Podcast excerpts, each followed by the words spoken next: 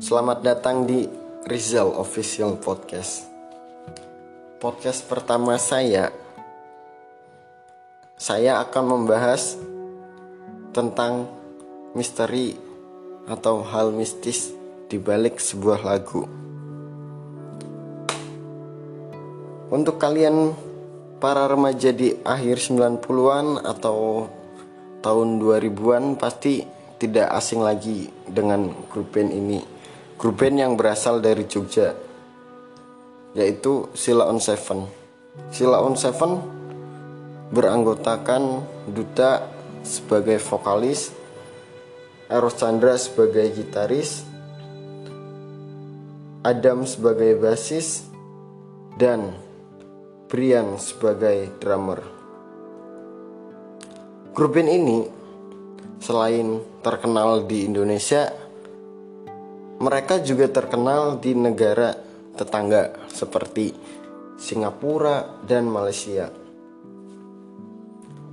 Lagu-lagunya yang tak pernah lekang oleh zaman atau selalu bisa dinikmati oleh penikmatnya kapan saja bahkan sampai sekarang meskipun sudah banyak band-band baru seperti yang sekarang ya, yang sedang hits yaitu 420 atau band-band yang beraliran indie atau pop lainnya.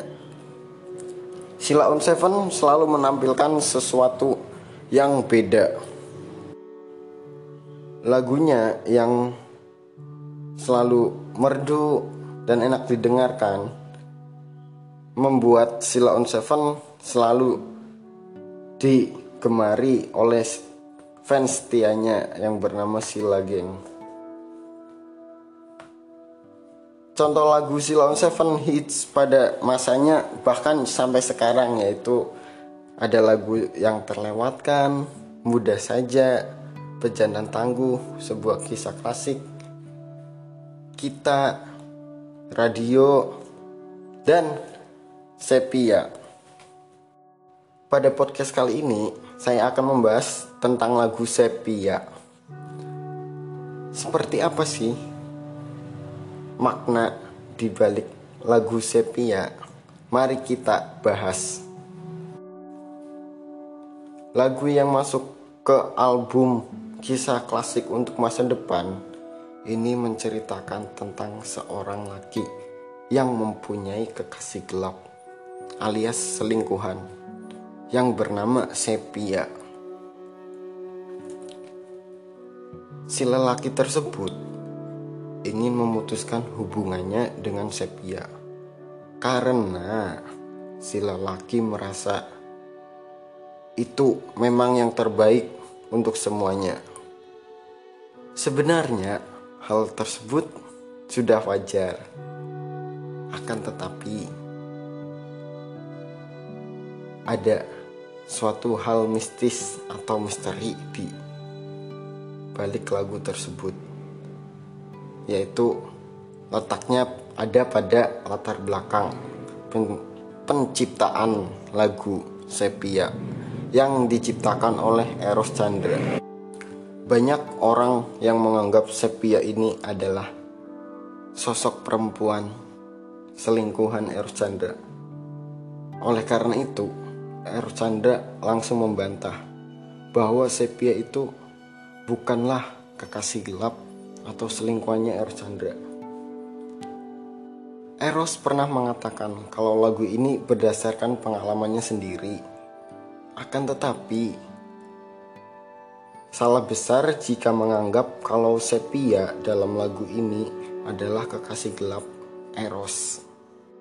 Konon katanya, Malam itu, Eros seperti biasanya sedang memainkan gitar dan menulis beberapa bait lagu sampai tiba-tiba telepon rumahnya berdering yang membuat pecah konsentrasinya. Ketika telepon tersebut diangkat, ternyata yang menelepon adalah seorang wanita bernama Sepia. Eros pada awalnya kebingungan karena ia tak mengenal siapa sosok wanita yang bernama Sepia tersebut. Sepia mengaku jika dirinya adalah fans Sila on Seven. Eros pun bertanya-tanya dari mana ia mendapatkan nomor teleponnya dan dari mana ia menelepon. Sepia mengatakan kalau ia mendapat nomor Eros Chandra dari salah satu seorang fans Silon Seven lainnya. Dan ia juga mengatakan kalau ia menelepon dari telepon umum yang ada di depan rumah Eros. Karena penasaran, Eros pun mengecek telepon umum yang ada di depan rumahnya tersebut. Dan di sinilah kejadian janggal dimulai. Setelah Eros mengecek telepon umum di depan rumahnya, ternyata tidak ada siapa-siapa di sana. Tapi ia melihat gagang telepon menggantung, seperti telah ada yang menggunakannya sebelumnya.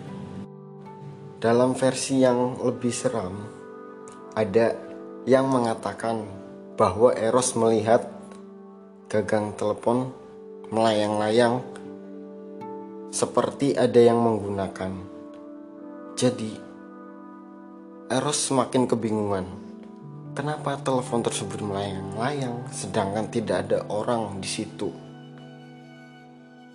Setelah kejadian misterius malam itu, Eros masih penasaran siapakah sebenarnya sosok Sepia. Eros pun mencari informasi dan bertanya-tanya pada fans. Dan akhirnya Eros berhasil menemukan alamat rumah sosok wanita bernama Sepia tersebut. Setelah mendatangi rumah yang dimaksud, ternyata benar rumah itu rumah Sepia. Dan Eros pun bertemu dengan kedua orang tua Sepia.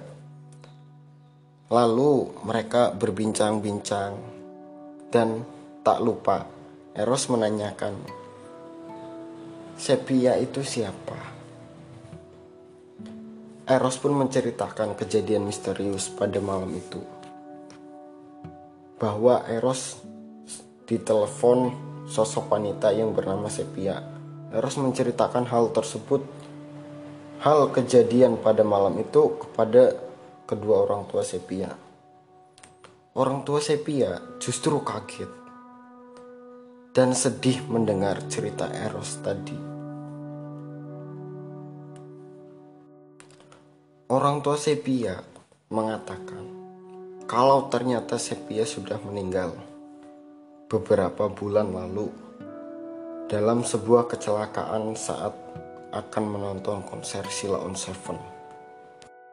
Kemudian kedua orang tua Sepia mengajak Eros Chandra untuk memasuki kamar Sepia. Ada banyak bukti bahwa Sepia itu si fans Sila on Seven tergambar jelas. Di sana terdapat begitu banyak poster-poster Silon Seven. Lalu, yang membuat Eros bertanya-tanya, siapa yang menelpon Eros pada malam itu? Apakah arwah Sepia atau hanya kerjaan orang-orang iseng saja? Sam sampai sekarang, Eros masih bertanya-tanya, siapakah yang menelepon Eros pada malam itu? Dan masih menjadi tanda tanya. Setelah mendengar omongan dari kedua orang tua Sepia, Eros segera pergi ke makam Sepia, ditemani oleh kedua orang tua Sepia. Setelah sampai di sana, Eros memanjatkan doa. untuk ketenangan salah satu fans dari Sila on Seven yang bernama Sepia. Di tahun 2018, warganet dihebohkan dengan penampakan sosok wanita berwajah putih pucat yang berada di tengah-tengah ramainya penonton saat konser Sila on Seven. Warganet banyak membicarakan, banyak yang beranggapan bahwa sosok tersebut sih yaitu sosok Sepia. Memang di dalam video tersebut tampak ada wanita yang berambut panjang dengan wajahnya yang sangat pucat. Sosok wanita itu terlihat menunduk dan tak melihat ke arah panggung. Wanita tersebut hanya duduk dan berdiam tanpa ikut bernyanyi seperti penonton lainnya. Hal tersebut yang membuat banyak para warganet menyebutnya bahwa ia itu adalah hantu dari sepia. Misteri tetaplah misteri.